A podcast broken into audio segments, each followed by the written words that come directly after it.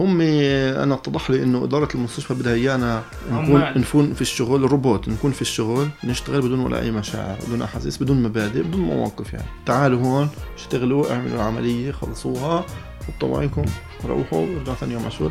طبعا هذا الشيء طبعا غلط مش ممكن يعني. إحنا مش اولا نحن مش روبوت إحنا بشر. عندنا أحاسيس عندنا مشاعر. أنا ما أفكرش إني عملت شيء غلط. الوضع تبع هذا القانون مأساوي. بفكر عن جد ما فيش قانون أكثر عنصرية من هذا القانون. فيش قانون بيورجي بشكل أفضل مفهوم المواطنة الكولونيالية بهاي البلاد. آه وفيش قانون يعني فيش له مثيل. واللي بضحك بالموضوع وفعلا ادعيناه إنه حتى جنوب أفريقيا بفترة الأبارتهايد كان في قانون مشابه. وحتى المحكمة العليا بجنوب أفريقيا لغت هذا القانون لكونه غير دستوري. هذه التظاهرة الرياضية أثبتت أن المواطن العربي آه، يعني تواق لهذه الوحدة العربية وهذا تجسد سواء في داخل الملاعب أو خارجها. الاحتفالات تبقى حتى الصباح كل الجماهير من مختلف الجنسيات العربية ترفع أعلام عربية مختلفة. تجد التونسي يرفع العلم المغربي والجزائر يرفع العلم التونسي والكل يرفع العلم الفلسطيني وهكذا. وبالتالي فعلا هناك شعور بوحدة عربية آه، نتمنى أن تطول أكثر من هذا الشهر الذي هو مدة المونديال. سلام معكم عابد أبو شحادة في حلقة جديدة من برنامج نهاية الأسبوع في موقع عرب 48 بس قبل ما نبلش الحلقة بنحب نذكركم تتابعونا على منصات البودكاست سبوتيفاي أبل جوجل. إحنا موجودين هناك وممكن تسمعونا عبر تطبيق موقع عرب 48 بهاي الحلقة رح يكون في ثلاث محاور المحور الأول مع الدكتور أحمد رسلان محاجنة الطبيب اللي كان يشتغل في مشفى هداسة اللي انطرد من شغله بسبب تصرف إنساني أعطى طفل فلسطيني عمره 16 سنة حبة شوكولاتة. وبعد حملة اليمين العنصري ضد أحمد المشفى طردوا من شغله.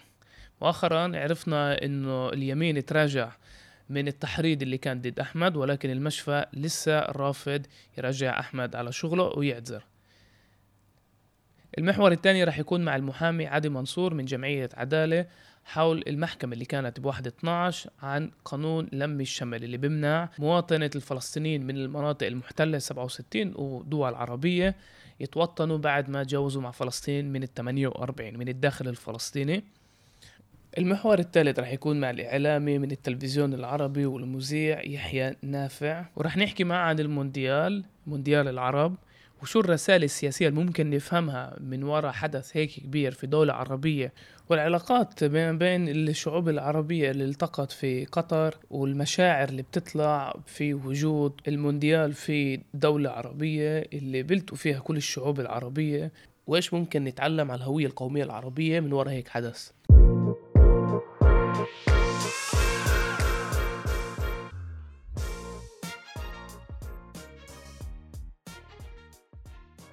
طيب أعزائي إحنا رح نبلش مع المحور الأول مع الطبيب الدكتور أحمد رسلان محاجنة. عزيزي يعطيك العافية. الله يعافيك صديقي. كيف حالك؟ الحمد لله تمام. إحنا كنا متابعين الأحداث والعناوين الأسبوع اللي فات وتخيل كلنا تفاجأنا من ناحية واحدة من القرار اللي طلع من مشفى هداسة اللي قرر يفصلك عن شغلك مع إنه فيش أي إشي غير قانوني انت كنت تعامله بس بدي إياك تبلش تحكي لنا انت كطبيب آه، اللي بيشتغل بالمشفى هداسة إيش صار بالضبط؟ إيش التهم ضدك؟ وإيش الحتلانات الأخيرة؟ آه، اولا أنا بمستشفى هداسة من آه، فبراير 2019 أنا في قسم جراحة القلب. 2019 في شهر 6 نجحت في القسم الأول من امتحان التخصص. أنا كمان محاضر في الجامعة لطلاب سنة ثالثة في كلية الطب وبعمل كثير أبحاث في هندسة فكنت منخرط في هندسة كثير يعني. ب 26 10 أنا وكمان طبيب عملنا حفل صغير في القسم بسبب إنه نجحنا امتحانات التخصص يعني. فبعد انتهاء الحفل ضل ورانا أكل كثير يعني. فأجوا كل الطاقم مش يعني يعني غير الأطباء مساعدات الأطباء الممرضات. وحكوا كان عندنا في الوقت أربع مرضى من ضمنهم الأسير محمد أبو قطيش كان عندنا في القسم يوم يعني هو نقلوه من العلاج المكثف لعنا كان متصاوب برصاصة بصدره وكان عنده زي جهاز اللي بيطلع كل السوائل والدم اللي كان عنده بجهة اليمين. قديش عمره؟ كان 16 سنة عمره. فحكينا حكينا حكينا للمساعدات الطبية. آه طبعا وزعوا على المرضى فيش ولا أي اعتراض طبي يأكلوا من الأكل اللي إحنا أكلناه يعني. غير هيك إنه على مستوى انساني هم كمان بيشوفوكم تاكلوا بيشوفوكم آه طبعا. آه. آه طبعا. فبالفعل تم توزيع ال- الأكل وحلوى وسلطة يعني لأربع مرضى من ضمنهم محمد. أبو قطيش. فلما أنا دخلت عنده أفحصه يعني أنا كمان طبيب دخلت وراي مساعدة طبية اللي معها صحنين أكل لإله يعني. فأنا دخلت هي دخلت وراي هي حطت الأكل على الطاولة عنده وكان طبعا مربوط بإيديه واجريه إيه، وكان عنده شرطيين اثنين. فأنا بسأله كيف حالك اليوم؟ حكى لي اليوم أحسن ووضعه الطبي كان ممتاز يعني. إيه، وهي حطت الصحنين قربت له الطاولة عنده لأنه ما بيقدر يتحرك مربوط يعني. والشرطيين ما حكوا شيء بهاي اللحظة يعني مبين كمان هم مش ما كانوش واعيين إنه ممنوع أو شيء من هالنوع. فأنا حكيت لهم نزلوه لو سمحتوا على الكرسي إنه المفروض يعمل فيزيوثيرابيا كل يوم يعني. فحكوا لي تمام بننزله كمان شوي يعني وانتهى وطلعت من الغرفه يعني. توجهت لغرفة الأطباء وين بنشتغل يعني. ما شوي وبسمع خبط على الباب يعني قوي. بس الباب ما بتقدر تفتحه إلا بكرت بكرت الشغل يعني. أمم. ففي ممرضة بتفتح بتفتح الباب اللي هو ضابط شرطة يعني غير اللي كانوا الاثنين موجودين في الغرفة. بحكي لي بحكي لي بحكي بص- بصياح يعني صياح وعنجهية و- وهجومية إيه، مين الطبيب اللي كان موجود لما فات فوت فات الأكل لغرفة 207 وين الأسير يعني فحكيت له اولا فيش حاجة تصيح أنت بقسم مش بالشارع يعني في مرضى. وأنا الطبيب ما عرفتش عن شو بحكي يعني إيه، وأنا الطبيب كنت موجود حمل حاله وراح يعني. بعد شوي طلعت من الغرفة ماشي أنا بالقسم وقفني واحد من الشرطة. بحكي لي بشكل جدا عنصري يعني أعطيني هويتك. أنا كنت لابس طبعا أوعى الشغل وفي كرت الشغل اللي فيه صورتي اسمي رقم هويتي يعني. فبحكي له ليش أنا طبيب هون؟ شايف اني طبيب. بحكي لي أنا أنا الربون هون حكى لي في العبري يعني مم. المسؤول هون. وأي منطقة في البلاد بوقفك فيها أطلب هويتك لازم تعطيني إياها. قلت له ما دام الحكي بقت صيغة روح على مدير القسم تاعي وخذ هويتي يعني وخذ تفاصيلي كلها. كملت يعني ما أعطيتش للإشي اهتمام كبير. كملت قعدت وين غرفة وين وين كمبيوتر يعني أكمل شغل عادي. بنتبه إنه بصور فيي نفس الشرطي اللي سألني على الهوية بتلفونه الخاص. فأنا بحكي له فورا بحكي له يعني جدا تافه إنك بتصورني يعني إنه ليش تصورني؟ فتخيل أنت يجي حد يحط تلفونك وبالك وتبلش تصور في وجهك. وانت طبيب و... وأنا طبيب في القسم طبعا في القسم و- ونزلت وما الشغل طبعا أنا بالشغل طبعا مش يعني. فانتهى الحديث بيننا وبينهم يعني وسكروا الغرفة هيك بقوة يعني على الأسير وضلوا جوا و... واشتغلنا كملنا اليوم عادي يعني على الأربعة ونص خمسة روحت على البيت هون.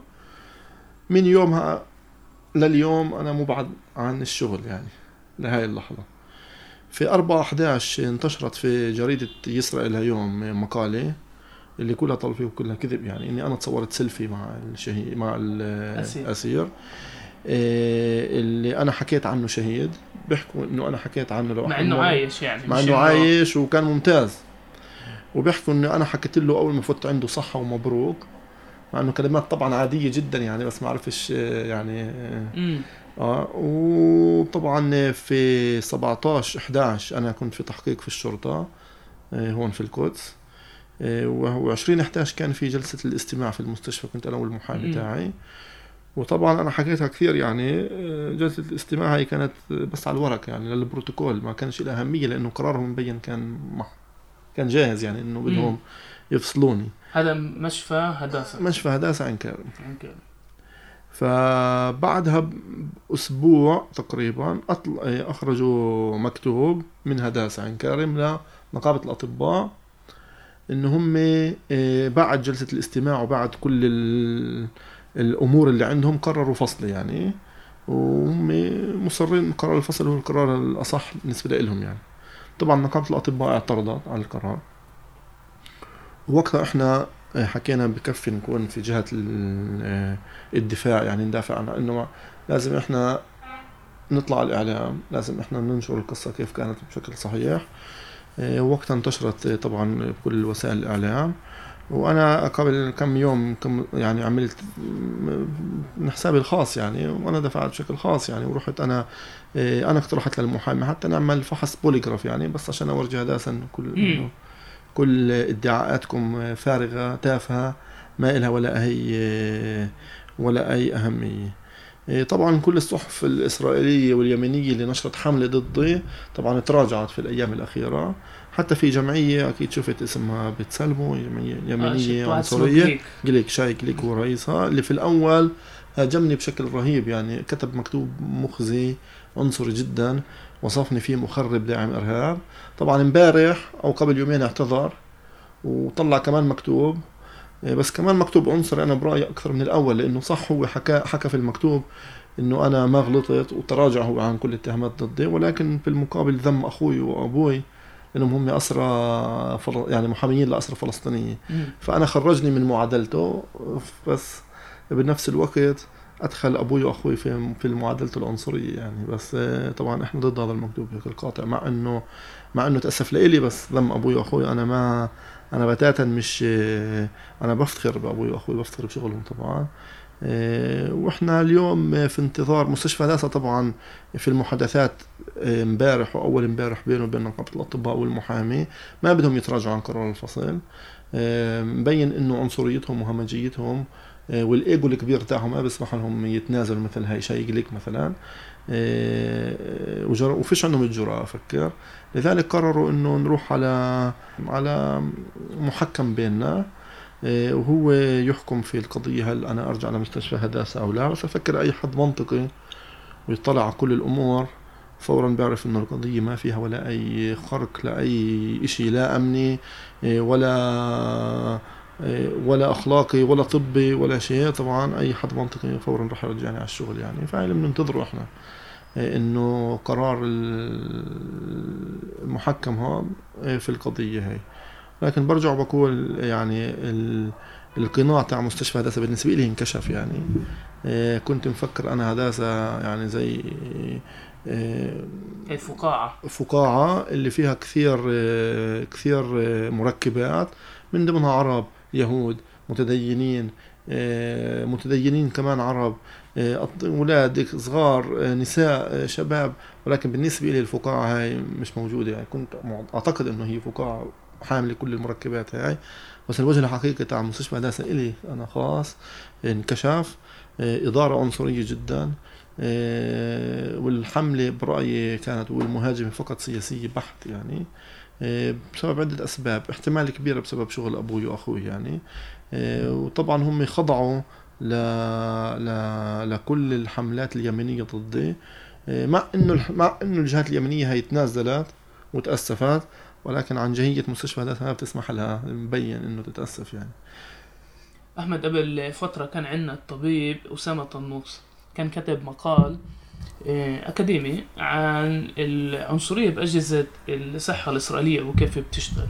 هلا أنت من تجربتك كدكتور يعني في عدة شغلات. اولا واضح إنه أنت موهوب في شغلك. قديش عمرك اليوم أحمد؟ 33 يعني شاب صرت مخلص كمان التعليم ويعني بآخر السنين عمليا للتخصص, للتخصص. من تجربتك هاي مع هندسه بتحس إنه في إشي بنيوي في داخل هاي المستشفيات اللي بتقدرش تشوفنا تشوف الأطباء العرب كمتساويين مع الدكاترة اليهود؟ بما إنه يعني نحكيها بالسياق إنه كل وقت بالإعلام ضلوا بيقولوا لنا شوفوا محل التعايش بالمستشفيات كيف الاطباء العرب وأطباء اليهود بيساعدوا الكل بعد هاي التجربة برايك إنه كل القناع على اجهزه الصحة الإسرائيلية آه، يعني انكشفت إنه بيقدرش يمارسوا المساواة على حقيقتها يعني خارج الواقع السياسي اللي إحنا عايشينه؟ شوف بعد هاي التجربة اللي إلي اولا في كثير عندنا أطباء عرب اللي هم متقدمين يعني إن كان رؤساء أقسام آه آه إن كان نائبين لمدراء أقسام واصلين مراكز كثير محترم يعني في كافة المستشفيات من ضمنها مستشفى هداسة.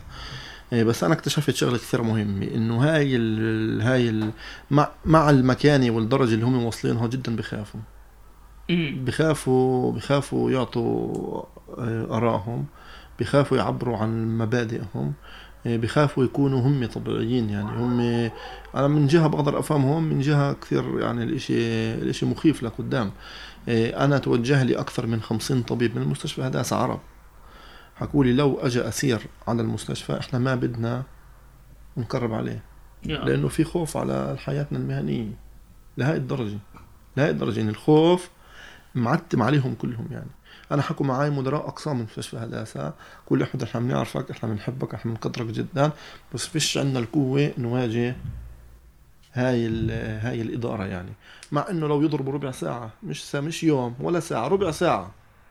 مستشفى هداسه بوقف كامل يعني. إيه، بس ما فكر فيش عندهم بفكر بخافوا بخافوا كثير. إيه، أنا اكتشفت كمان مرة هو أنت حكيتها وبخجلش أحكيها هو قناع لإلي وانكشف يعني.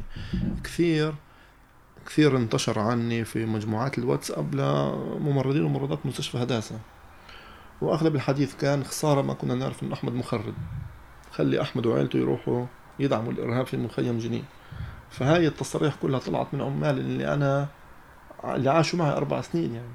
بس عاشوا معي مبين في كذب يعني قدامي كانوا في وجهي واو يعني. وفجأة انكشف الوجه الحقيقي واستغلوا فرصة صغيرة ليهاجموا يحكوا عني مخرب داعم إرهاب وكل هاي الأمور. إيه، فإشي نقطة مهمة اللي أنا لحظة مستحيل أنساها. خلال جلسة الاستماع المحامي تاعي بيحكي لمدير مستشفى هداس عن كارم اللي فيه عرب وفيه يهود بيدعي في المساواة وبيدعي إنه بعالج ناس من الضفة الغربية وكل هاي الأمور من غزة. المحامي تاعي بيحكي له حسب حلفان هيبوقراطس الطبي. لازم المريض يعطي لازم الطبيب يعطي المريض مش فقط علاج طبي وفقط يعني إيه يعطيه إحساس يعطيه طعام يدير باله عليه. فمستشفى هداس عن كلام شو بحكي له؟ جملة بدون ما يرمش له ولا أي جفن. حكى له هذا الإشي سار المفعول على كل المرضى. من مش الأسرة إحنا عايشين في مدينة إسرائيل. هاي الجملة حكى له إياها. تخيل. يعني بشكل واضح هو فرق بين أسير مريض وبين مريض عادي. يعني هو ما بده نعامل الأسير كأي مريض عادي. فسألوا ليش أنتم بتجيبوا هون؟ طيب وبتعالجوا. محامي تاعي سأله ليش أنت بتجيبوا هون؟ قال إحنا مجبورين نعالجهم. يعني هو مش محبة بس عارف انه مجبور يعالجهم. لهذا السبب موجودين هون. بس تعاملهم مش كبني آدمين يعني. تعاملهم مش كم بدوش يعاملهم كبني آدمين. تعرف عزيزي الواحد بيسمع هاي الشهادة. بصير يفكر بشكل عام على كيف أجهزة الصحة الإسرائيلية تلتزمش بالميثاق اللي يعني معترف فيه دوليا. يعني دوليا مش طبعا. مش بس مش حتى مش بس بالغرب. ويعني فيها شيء جدا إنساني. يعني يعني بغض النظر إيش يعني موقفك من هذا الولد أو أي ولد ثاني بنهاية المطاف واحد بأكل حلو بشوف أولاد صغار حتى. بغض النظر إيش سووا يعني من باب الذوق حتى. صح. و يعني بتكتشف إنه بيقدروش ينسنوا أو يطلعوا على المرضى الفلسطينيين إيه، كبني آدمين. صح. حتى لو إيه، بوافقوش معاهم أو حتى لو بيوافقوش أو بدهمش يعترفوا بواقعهم السياسي بتحس إنه هذا التصرف كمان بينعكس على الدكاترة العرب يعني أنت حكيت جملة كثير مهمة. إذا بدلوا رأيهم السياسي ممكن يعاقبوهم آه، بالمستقبل بمهنتهم. إيه أنا أنا بحكي إنه هم بخافوا إنه يعاقبوهم بسبب مواقفهم يعني. بخافوا لو حكوا مواقفهم ومبادئهم وعبروا عنها إيه، يكونوا يكونوا تحت خطر يعني. هم أنا اتضح لي إنه إدارة المستشفى بدها إيانا نكون نكون في الشغل روبوت نكون في الشغل نشتغل بدون ولا أي مشاعر بدون أحاسيس بدون مبادئ بدون مواقف يعني. تعالوا هون اشتغلوا اعملوا العملية خلصوها حطوا معكم روحوا وارجعوا ثاني يوم على الشغل. طبعا هذا الإشي طبعا غلط. مش ممكن يعني. إحنا مش اولا إحنا مش روبوت إحنا بشر عندنا أحاسيس عندنا مشاعر. آه أنا ما أفكرش إني عملت إشي غلط. آه محمد أبو قطيش شاب عمره 16 سنة متهم إنه عمل إيش عمل. أنا الصراحة بهمنيش شو عمل. أنا عندي في القسم كان موجود كمريض وأنا بعامله كمريض. أنا بعامله نيته كمريض يعني بدون يعني بدون أي تفرقة عن اي عن أي مريض ثاني. بس هم بس هم بدهمش بدهمش يعني نتعامل بهي الطريقة. أحمد سؤال. إيه، كيف ما فهمت وكيف ما قريت اخذوك للتحقيق بالتحقيق نفسه ما حكوكاش على شغلك وما حكوكاش عن إيش صار بنفس الليلة. ركزوا على رسلان مهاجنه وخالد محاجنة أبوك وأخوك خالد رسلان محاجنة طبعا إيه، على دورهم كمحامية للأسرى الفلسطينيين. إيش تعلمت من هاي التجربة؟ شوف أنا أول مرة بكون بتحقيق شرطة يعني. أول ما دخلت كان طبقة ثالثة دخلت ولا واحد بحكي لي هي أجل مخرب اللي بوزع كنافي هاي أول جملة. أنا أول بعدني مش فايد بعدني مم. في الباب. حكيت له أنا أحترم حالك أنا مش مخرب يعني. قال لي كمان بتجاوب. قلت له أنا مش مخرب يعني. فخلال التحقيق طبعا حكى لي المحقق إنك أنت كنت لشرطه تافهة وهاي الأمور. شيء كثير خطير بالنسبة لهم بس مش هاي ال... مش هاي النقطة إحنا بنأخذ حكى لي زيك في آلاف كل يوم بيحكوا لجهاز الشرطة كلمات سيئة يعني مع إنه أنا ما قصدتش له يعني إلا على التصوير نفسه. حكى لي مش هاي القصة يعني هاي قصة تافهة يعني بالنسبة لهم بس صح أنا سألوني كثير عن شغل أبوي وأخوي سالوني كثير أسئلة متعلقه بشغلهم اللي أنا صراحة ما بعرفهاش. يعني هل أنا بلتقي في الممثلين اللي أبوي بيمثلهم أو أخوي بيمثلهم؟ يعني أسئلة جدا غبية وما لهاش علاقة يعني.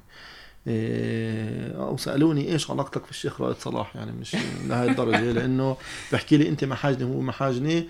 قلت له محاجني فيها 6000 شخص يعني مش آه. هاي. ف هاي زي أي واحد من ام الفحم آه لازم يكون يعرف يكون الشيخ يعني صلاح. آه بقول له طبعا بعرفه الشيخ رائد بس أنا ماليش علاقة يعني بشرفني أكون يعني شيخ رائد صلاح طبعا علم من علومنا آه. لكن إحنا أنا حكيت له يعني شو شو السؤال بالضبط يعني مش ما. فهمتش يعني.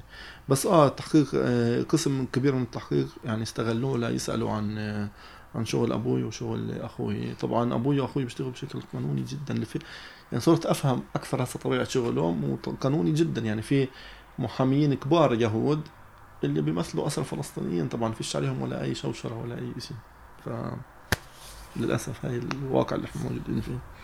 أحمد يعطيك العافية عزيزي. الله يعافيك صديقي سؤال شخصي هيك. بعز علي يعني بعد كل الخدمة اللي خدمتها وبعد يعني مش سهل الواحد يصير دكتور طبيب ومش مربحة زي ما الناس بتفكر وفيها كتير تعب وكتير ساعات شغل ومرات بتضلك 24 ساعة في الشغل. بتشوف مستقبلنا مستقبل الدكاترة العرب يكمل في المستشفيات الإسرائيلية ولا رح نصير نشوف أكتر وأكتر دكاترة عرب اللي بدهم يعني بدهم يشتغلوا يترزقوا بدون كل الضغوطات النفسية والسياسية عليهم اللي ممكن يلاقوا حالهم خارج البلاد. شوف أنا فكرت بهذا النقطة كثير يعني وحكيت عن جد أنا أفنيت وقت كثير بأربع سنين أفنيت كثير لهداسة إن كان شغل طبيعي طبيعتي هاي شغلي يعني يعني مش, مش لا أنا محمل مجبري ولا هم هاي شغلي يعني. بس إن كان تعليم طلاب إن كان آه، إرشاد طلاب جداد إن كان إرشاد طلاب اللي بيجوا من الخارج إن كان آه، أبحاث. بس أنا حكيت له في جلسه الاستماع. أنت كبيت كل هذا الزباله كأنه ملوش أهمية يعني. مش مش همك شو أنا عملت خلال أربع سنين. أنا الصراحه متندم على كل لحظة ضيعتها من وقت المستشفى هداسه أنا آه، ح- يعني حاسس لهي اللحظة بخيانة خيانة خيانة بكل معنى الكلمة من إدارة المستشفى ضدي أنا. كان المفروض يتوقف معي مش ضدي يعني بس هم وقفوا ضد مع اليمين ضدي يعني. إيه، أنا بشوفش حالي أكمل في إطار عنصري مثل هذا إيه، بس من طرف ثاني إذا كل واحد فينا بده يستسلم ويحمل حاله يطلع برا فكمان مش مش هي الحل. أفكر لازم إحنا بالعكس إحنا نضل شوكي بحلق كل عنصري إيه، ما نتنازلش ما نستسلمش إيه، للأسف فيش عندنا مستشفيات في بلدان عربية للأسف الشديد يعني. إحنا كمان لازم نكون واقعيين مستقبلنا مربوط فيهم للأسف الشديد يعني. ولكن مع كل هذا ممنوع الواحد يخاف ممنوع الواحد يتنازل عن مبادئه. إحنا آه، من حقنا ننجح من حقنا نتطور من حقنا نشتغل.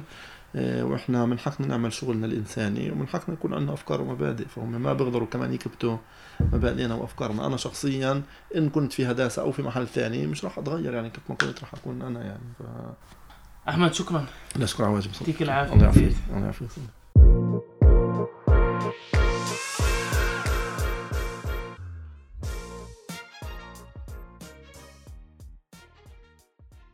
من هنا نكمل المحور الثاني مع المحامي عدي منصور. أول شيء عدي شكرا على وقتك.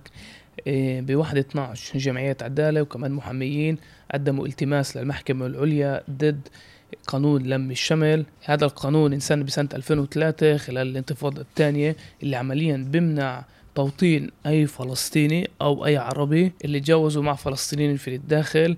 لحد سنة 2003 عمليا كان في إمكانية للم شمل. ومن سنة 2003 لسنة 2022 بنفعش. ولكن السنة اللي فاتت كان في خلافات بالائتلاف حول القانون. عمليا هذا القانون بجددوه كل سنة. بس بسبب خلافات بالائتلاف هاي السنة ما مرقش القانون. بس عادي أعطينا هيك شوي خلفية. اشرح لنا إيش معنى هذا القانون وكيف ممكن يأثر على حياة العائلات اللي بتطالب في لم شمل طيب أول شيء خلينا شوي نرجع لورا. يعني قبل ما نيجي نحكي على القانون شو صار ب 2022 مهم نرجع على عام 2003 يعني بالسنه الأولى اللي سن فيها هذا القانون.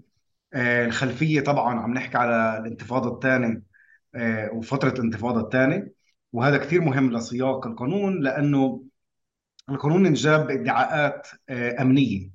الادعاءات الأمنية اللي دعتها الدولة بهذيك الفترة إنه الفلسطينيين من مناطق 67 وبعدين تم إضافة أيضا عرب من دول ما يسمى دول العدو أي الدول اللي بتعتبرها إسرائيل انها هي دول عدو آه، ليس فقط دول عربية لأنه بالإضافة إلها في إيران. آه، وتم عمليا الإقرار إنه آه، العائلات اللي تكونت من بطرف واحد فلسطيني من المناطق اللي تم احتلالها بال 67 لا فلسطينيين من ال 48 ما بنفع إن هي تعيش مع بعضها كعائلة ضمن حدود ال 48 وهسه بنقدر نفهم كمان إسقاطاتها على المواطنة.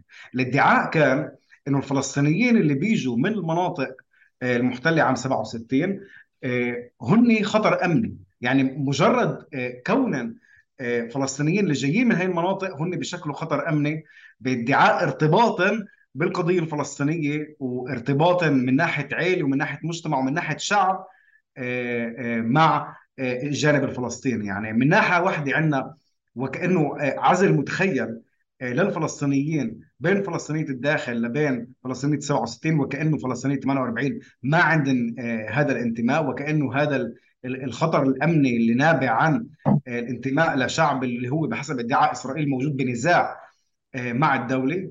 طبعا إحنا بنعرفه كاحتلال وكاستعمار للشعب الفلسطيني.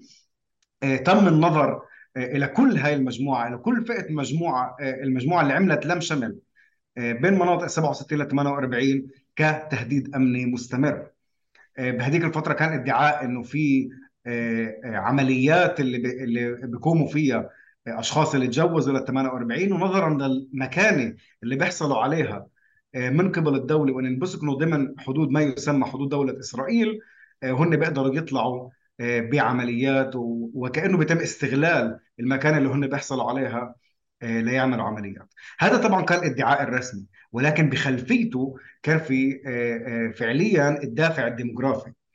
الدافع الديموغرافي واللي هو عمليا الأساس لهذا القانون واللي آه، تم محاولة اخفائه مرارا وتكرارا من قبل محامو الدولة أو من قبل المستشار القضائي للحكومة اللي بالرغم من محاولة اخفائه أعضاء الكنيست مرارا وتكرارا أكدوا عليه إن كان بعام 2003 وإن كان من تجديده المستمر عام تلو الآخر واللي هو بالأساس الخوف والرهبة من إنه فلسطينيين عم عم بتوسعوا فلسطينية الداخل عم بتوسعوا نوعا ما لمناطق أخرى وعم بتزيد اعدادا آه، وعم بهددوا الأغلبية اليهودية بالدولة. آه، بهذا الخلفية وبكل هاي الوضعية آه، تم تقديم التماس عام 2003 ضد القانون من قبل عدالة وأيضا من قبل مؤسسات حقوق إنسان ومحامون آخرون ضد القانون. هذا الالتماس تم التداول فيه بعام 2007 آه، آه، كان في قرار بهذا الالتماس. بحسب هذا القرار آه، ستة عمليا وافقوا ست قضاة وافقوا على القانون خمس قضاة قالوا أن القانون غير دستوري. ولكن قاضي واحد من بين الست قضاة القاضي ليفي قال أنه القانون هو غير دستوري ولكن هو بعطي الإمكانية والمهلة للدولة أن هي تيجي وتصلح إيش موجود بالقانون وخاصة وأعطى آه، تشديد على كونه مؤقت وعلى الخلفية الأمنية المؤقتة أو الحالية اللي بسببها بسببها اجى القانون، يعني عمليا إقرار القانون بالمرحلة الأولى كان لأسباب مركزية، واحد كون القانون مؤقت. اثنين آه، لأسباب أمنية مؤقتة، يعني بهذا بهؤلاء الادعاء تم الإقرار إنه القانون هو عمليا بمر بالامتحانات ما يسمى بامتحانات آه، آه، لإقرار القانون بأنه دستوري. من بعدها تم تجديد القانون مرارا وتكرارا. طبعا كان في تعديلات معينة. يعني المنع تبع لم الشمل تم تخفيفه نوعا ما إنه انعطى لجيل 25 للنساء ولحد جيل 35 للرجال. هو المنع المركزي. اللي فيه ممنوع فلسطينيين إن يسكنوا مع بعض ضمن حدود 48 يعني تعال نتخيل إنه مثلا حدا من عكا تجوز واحدة من جنين بينفعش يجوا يسكنوا بعكا ولا باي طريقة إذا هن تحت هذول الجيل 25 أو 35 ومن بعدها طبعا هذا التعديل وتعديلات أخرى تم بنهاية المطاف إقرار القانون كقانون دستوري وتجديده سنة تلو الأخرى. بتعرف عادي اللي بلفت النظر باللي بتحكيه إنه كيف يعني من ناحية واحدة الدولة بتكون ماخذه قرارات المحكمة آسف المحكمة العليا تاخذ قراراتها بناء على إيديولوجية معينة على توجه سياسي معين بس من ناحية تانية بتحترم القانون تحترم الدستور وبتشير إنه في هنا خطوة غير دستورية اللي تنفي حق أو حقوق أساسية للمواطنين الفلسطينيين في الداخل بالذات إنه في هنا تمييز بينهم وبين المواطنين اليهود وهذا بيجيبني للسؤال يعني هل المحكمة شايفة إنه في مشكلة جوهرية بهذا القانون وعشان هيك بتسمح للدولة تجدده سنة ورا سنة وبتفرضش عليها تسنه بشكل واضح بدون تأتأة أو بدون تعيد سن القانون سنة ورا سنة؟ يعني كون القانون مؤقت أو عمليا هو القانون هو مش مؤقت هو القانون هو دائم يعني إحنا نتخيل إنه مرقوا 20 سنة جيل كامل كبر ضمن إطار هذا القانون حالة قانونية واجتماعية وسياسية كاملة تكونت ضمن إطار هذا القانون ما يسمى بقانون مؤقت. بنهايه المطاف هي كذبة اللي عملتها الكنيست والحكومة لتحويل هذا القانون ضمن ضمن إطار ما يسمى بالعبراني بسموه رئات شعار يعني أمر ساعة أمر مؤقت. لمحاولة يعني عمليا إقراره ولربما هذا هذا اللي ادعيناه إحنا أمام المحكمة مجددا. لربما بسبب عدم وجود إمكانية لاقراره كقانون دائم بسبب الانتهاك الصارخ للحق بالعائل والحق بالمواطن والحق بالمساواه يعني المحكمة العليا اللي المفروض تدعي إنها بتحافظ على حقوق المواطنين بتشارك في باللعبة هاي بينها وبين الكنيسة مع إنها إنها بتعرف انه غير دستوري ولكن تاخدش القرارات الدستورية لحماية المواطنين. 100% وأكبر اثبات على ذلك إنه تم تقديم الالتماس الثاني ضد القانون بال 2007 والقرار بهذا الالتماس كان بال 2012 يعني إحنا نحكي على حوالي 10 سنين اللي مرق على ما يسمى بقانون مؤقت. وبهذا القرار تم الإقرار إنه القانون هو دستوري بأغلبية 6 ضد 5 بعكس القرار الأول. يعني مع إنه مرق هالقد كثير وقت. وبرغم من عدم وجود يعني مهم نوضح كمان فيش قاعدة أمنية بتبرر هذا القانون حتى بحسب الادعاءات الإسرائيلية بإنه هناك العديد من العمليات اللي بتخرج من أشخاص اللي بتجوزوا ابصر شو. فعلا عملنا حسابات. اللي حكى على 0.01% من من من من عدد العمليات اللي بتكون يعني بكل سنين يعني.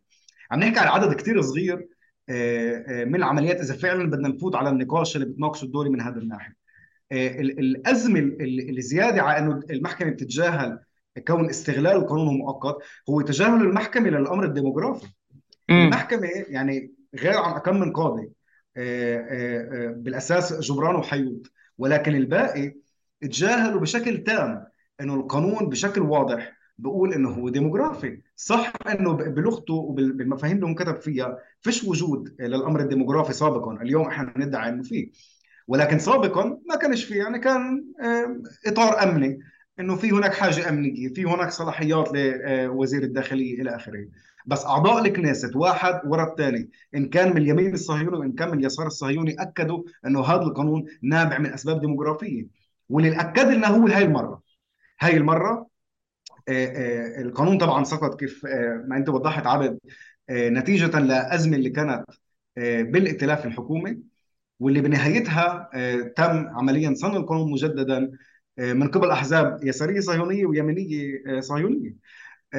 ولكن بالنقاش على القانون بلجان الكنيست بلجنة ما يسمى لجنة الأمن والخارجية.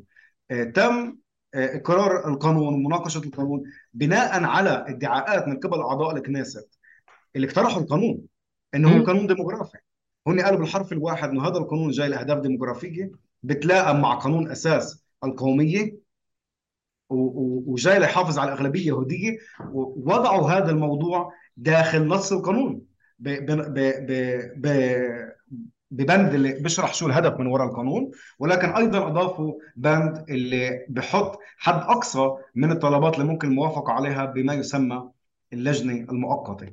آه، وهذا عمليا اللي ادعيناه هاي السنة مجددا إنه اولا القانون بأكد إنه هو ديموغرافي الأهداف الأمنية غير موجودة القانون آه، مش بس بينتهك الحقوق هو بيغير من جوهر المواطنة. وهذا موضوع كثير مهم. إنه اللي صار على مدار 20 سنة مش بس تم انتهاك حق الفلسطيني بالداخل للمساواة أو حق الفلسطيني بالداخل للعائلة.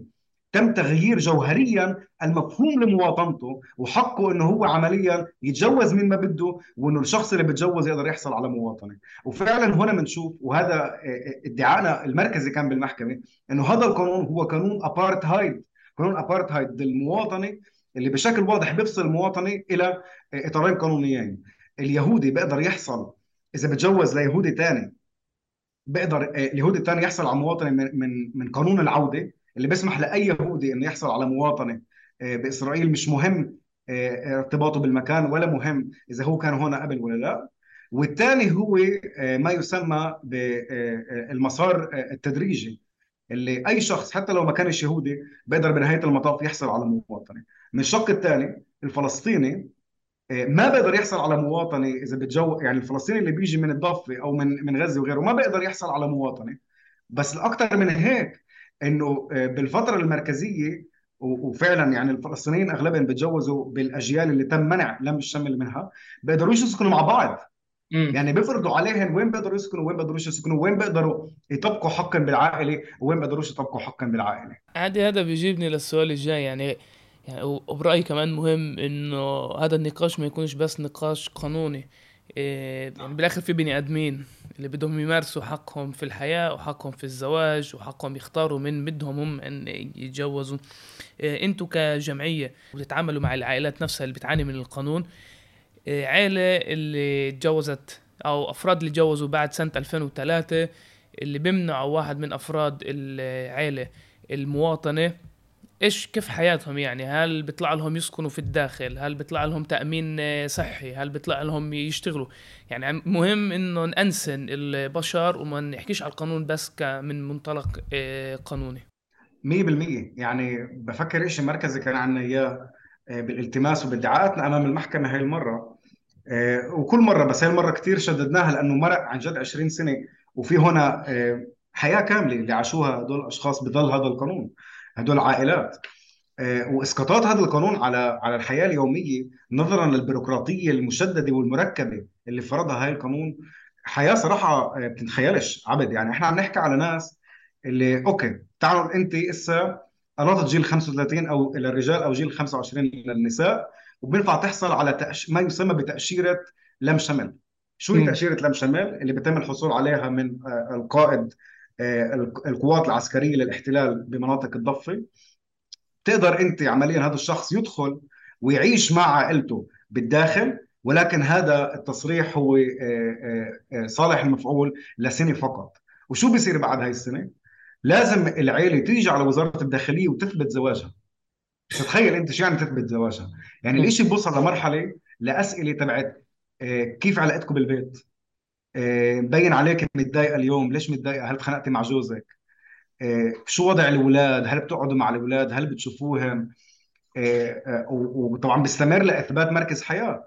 يعني لازم تجيب فواتير الكهرباء فواتير المي وغيره. عم نحكي على تركيبة حياة مش طبيعية. وكل سنة لازم يوصلوا لوزارة الداخلية ويثبتوا من أول جديد آه هاي إذا مش وزارة الداخلية أجت عندنا. في حالات آه. اللي سمعنا عنها اللي وزارة الداخلية بتيجي على البيت. عم بتعد فراشي الأسنان. امم تتأكد إنه فعلا هاي العيلة عايشة مع بعض. انه اخذ تأشيرة دخول مش عم بيستغلها بعرفش شو بتخيلوا. وبعدوا فراش الإسنان العيله يتأكد إنه عدد أفراد العيلة هو نفس عدد آه، الأفراد اللي معهم تأشيرات دخول ولا لا. الموضوع يعني نجرب نتخيل كيف الدولة عم عم بتفوت حالها لاكثر محلات شخصية. عند الناس. يعني آه، فعلا على البيت على التخت على على الحياة الشخصية اللي الشيء اللي هو بتصوروش العائل هذا من جانب. من جانب ثاني إنه حتى لو أنت بتحصل على تأشيرة دخول هتقولش بينفع أنت تشتغل بإيش ما بدك. رسميا القانون بيقول أوكي بينفع تشتغل بشو ما بدك. التأشيرة بتسمح لك تشتغل بشو ما بدك. بس كثير من هدول الأشخاص بيروحوا على أماكن تشغيل خاصة كثير منهم بيكونوا متعلمين ومعنيين يشتغلوا بالأشياء اللي تعلموا فيها. بيجي بيقول المكان الشغل. أنا شو بضمن لي إنك أنت السنة الجاية تاخذ تأشيرة؟ أنا شو بضمن لي إنك أنت تكون عندي موظف بشكل دائم؟ وهذا غير ما نذكر حتى قضية البنك. كثير من هدول العائلات بيقدروش ياخذوا قرض المشكنتة من البنك ويقدروا عمليا آه، يمتلكوا بيت. كثير منهم بصفوا عايشين على الاجار لسنين كثير طويلة بسبب إنه البنك ما بيقدر آه، آه، ياخذ ضمانات إنه هاي العيلة بينفع تضلها ساكنة مع بعضها كل هاي الوقت. التفاصيل الصغيرة اللي نتج عن هذا القانون بتركيباته فات على أدق التفاصيل عند هاي العائلات. وبفكر المشهد بالمحكمة كان يوصف بحد ذاته. يعني إحنا كنا آه، ندعي أمام القضاء عم نحكي على تسعة ملتمسين آه، من مؤسسات حقوق إنسان لمحامين خاصين ورانا بالقاعه كل عائلات اللي هن عائلات لم الشمل. وفعلا يعني يعني المشهد يعني بأشعر البدن إنك أنت عم بتناقش بالقانون وكله عم بناقش بالقانون وهل هو بينتهك حقوق وهل فيه شيء أمني وهل في هيك. ووراك الأشخاص اللي حياتهم تدمرت بنهاية المطاف واللي واقفين أمام محكمة ما تسمى بمحكمة العدل العليا. ذات المحكمة اللي لمدار 20 سنة عمليا قوننت المأساة اللي هن عايشينها. الوضع تبع هذا القانون مأساوي. بفكر عن جد ما فيش قانون أكثر عنصرية من هذا القانون. فيش قانون بيورجي بشكل أفضل مفهوم المواطنه الكولونيالية بهاي البلاد. آه، وفيش قانون يعني فيش له مثيل. واللي بيضحك بالموضوع وفعلا ادعيناه إنه حتى جنوب أفريقيا بفترة الأبارتهايد كان في قانون مشابه. وحتى المحكمة العليا بجنوب أفريقيا لغت هذا القانون لكونه غير دستوري. يعني شوف إحنا وين وصلنا. يعني حتى جنوب أفريقيا يعني المثال الأعلى للأبارتهايد يعني إحنا لما نيجي بنقارن حتى لا سبيل المقارنة مع جنوب أفريقيا. عادي منصور من جمعية عدالة. أول شيء يعطيك العافية عزيزي وشكرا لك وشكرا لجمعية عدالة وشكرا لكل المحامين اللي كانوا في الالتماس. بحب ألخص الحوار وأقول إنه تعرف هذا القانون بيعكس قضيتنا إنه الفلسطينيين يعني اللي بدنا نعيش حياتنا نعيش حياتنا بحرية وكرامة. ولكن الاستعمار والاحتلال بقدرش يشوفنا كبني آدمين اللي بس بدهم يعيشوا يضلهم يطلعوا علينا من القناصة العسكرية هاي إنه كل إشي بنسويه حتى إذا بدنا نتجوز حتى إذا بدنا نخلف حتى إذا بدنا نشتغل حيلا شغل بشوفوها بس من هذا المنطلق المنطلق الأمني.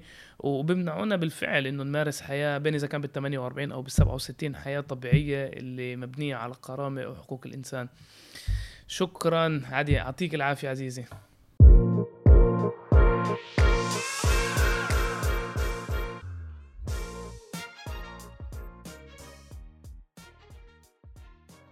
هيك إحنا بنكمل للمحور الثالث مع المذيع بالتلفزيون العربي يحيى نافع.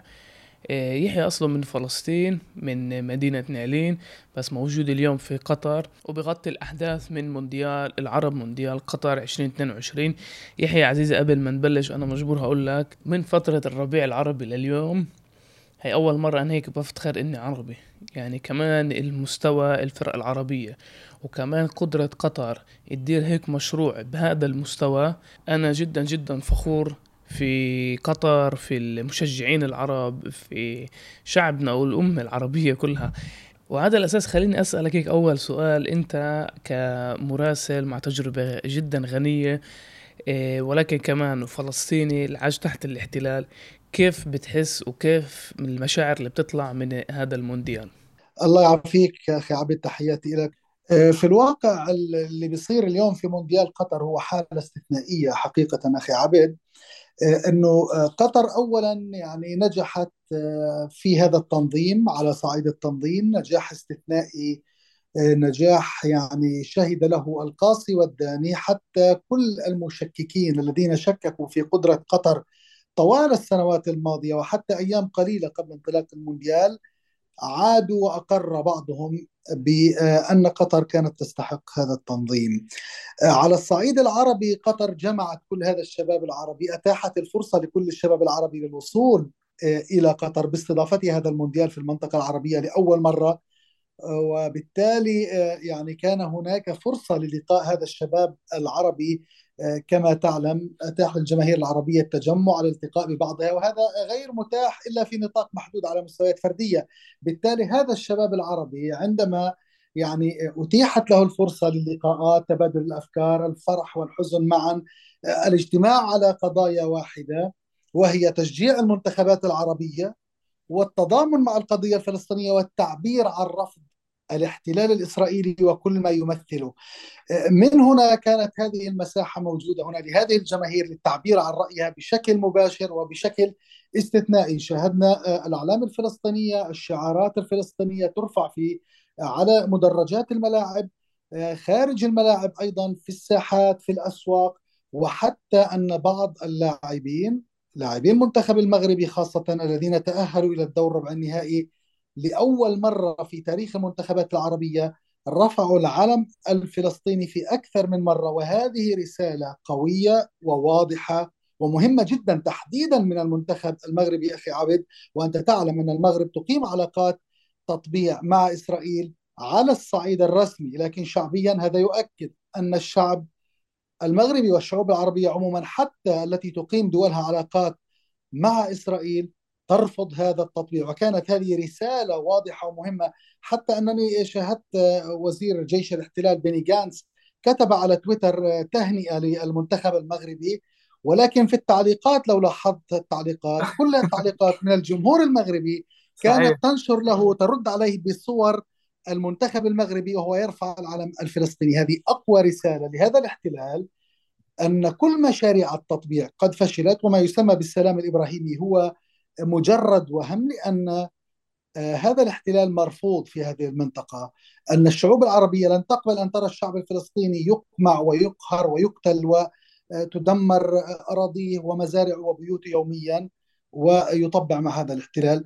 وأيضا ترجم هذا أخي عبد من خلال آه، البث المباشر لوسائل الاعلام الاسرائيليه وأكيد أنت تابعت وتابع الجمهور الفلسطيني. هذه آه، اللقطات الجميلة الجمهور العربي رفض الحديث لوسائل الإعلام. حتى أن جماهير أجنبية أخرى تابعنا جماهير إنجليزية كانت تتحدث لأحد آه، الصحفيين الإسرائيليين وبدأت تردد شعارات التضامن مع فلسطين على البث المباشر.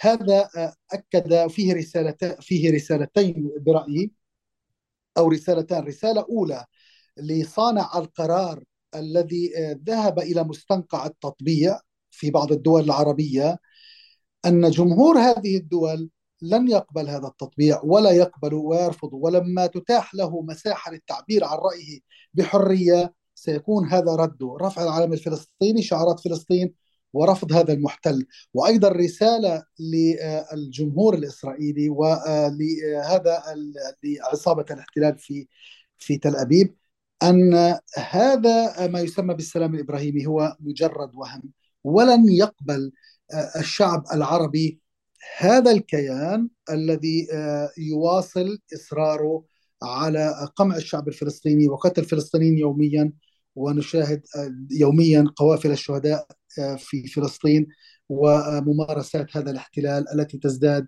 تطرفا يوما بعد آخر. عزيزي يحيى تعرف يعني اللي زيي وزيك وكثير من النشطاء السياسيين بنظروا للأمور دائما ومع إيديولوجيا واضحة مع انتماءات سياسية وتوجه سياسي واضح.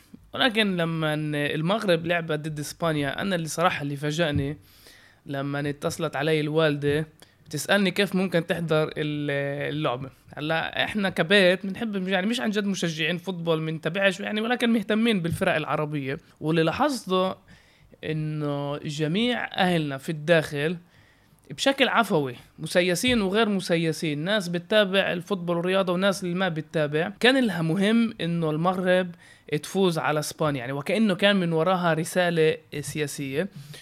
وخلاني أفكر كثير على علاقات الشعوب العربية. هلا أنت كمان موجود هناك؟ يعني بيطلع لك طلعت لك الفرصة النادرة إنه تشوف كل الشعوب العربية متواجدة. هل برأيك بالفعل في هوية قومية عربية اللي بتجمعنا وبتيجي بشكل عفوي يعني لو إنه السي... يعني الدول بتمارس العلاقات بشوي أكثر توجه إيجابي ممكن عن جد نرجع نحلم على هوية عربية قومية جامعة بين الشعوب العربية. اؤكد لك تماما يعني من خلال علاقاتي مع الكثير من العرب من مختلف البلدان العربية ومن خلال المشاهدات التي نشاهدها في هذا كل الإشكالات التي حصلت في السنوات الأخيرة. أنت تعلم كل البلدان البلدان العربية تعاني من مشاكل داخلية آه، سواء من خلال الثورات التي حصلت أو خلافات سياسية هنا وهناك. لكن كل ذلك لا ينسي المواطن العربي الهم الواحد. كل العرب آه، توقون آه، برأيي لوحدة عربية. هذا يترجم في مشاعر الفرح والحزن معا التي كنا نتابعها في المباريات. عندما يعني آه، نشاهد أنه آه، مثلا المنتخب المغربي يلعب في ملعب البيت أمام 65 ألف مشجع ليس كل هؤلاء من المغرب. معظم هؤلاء من دول عربية مختلفة من فلسطين من الأردن من العراق من تونس من الجزائر حتى التي يعتقد البعض أن هناك خلافات جزائرية مغربية. لكن كل الجماهير الجزائرية تساند المنتخب المغربي وحتى قبل أيام تابعت أحد الصحفيين أجرى لقاءات في داخل الجزائر عن من تشجع آه، إسبانيا أو المنتخب المغربي.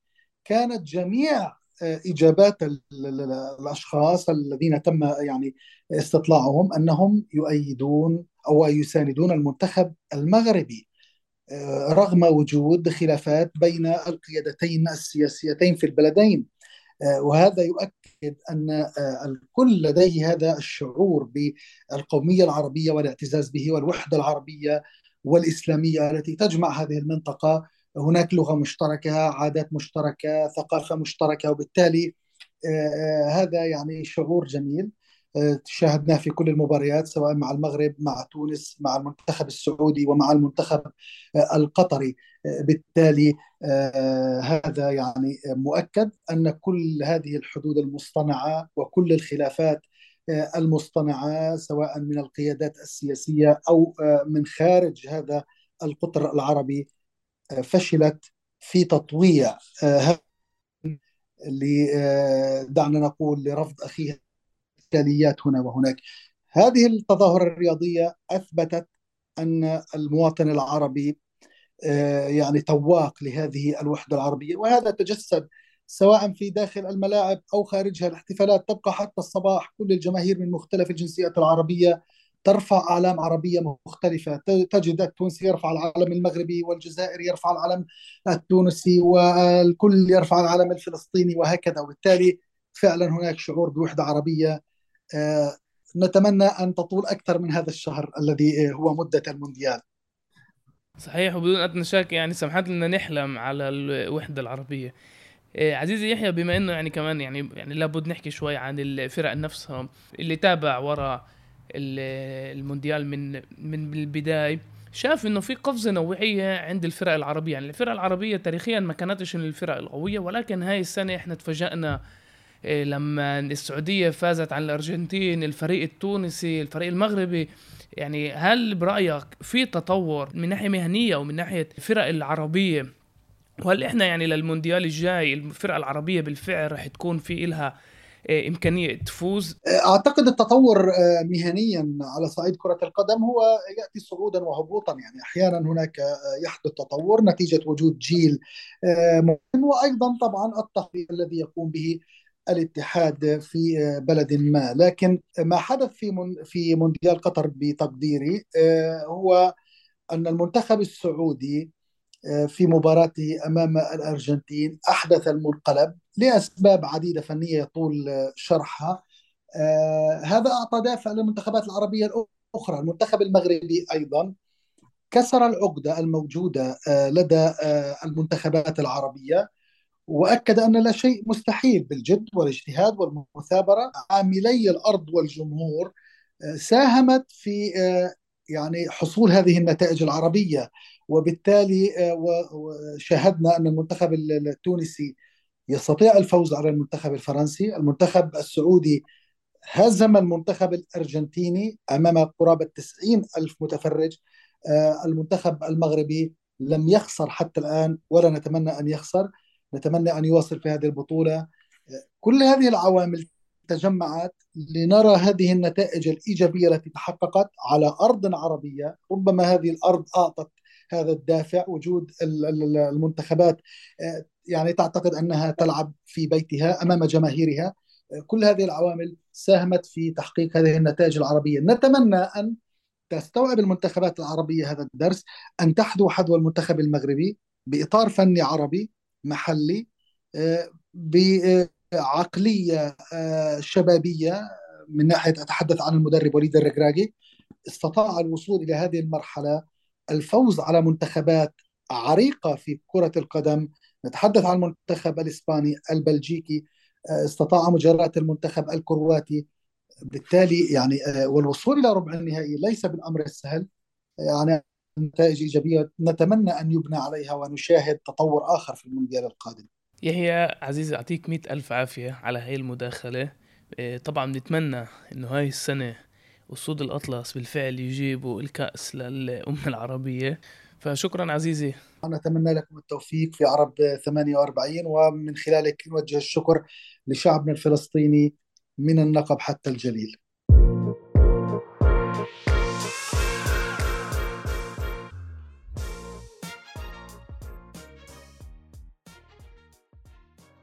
وهيك إحنا بنكون واصلين لنهاية الحلقة. وزي دايما ما تنسوش تتابعونا على جميع تطبيقات البودكاست Spotify Google Apple أو ممكن تسمعونا عبر تطبيق موقع عرب 48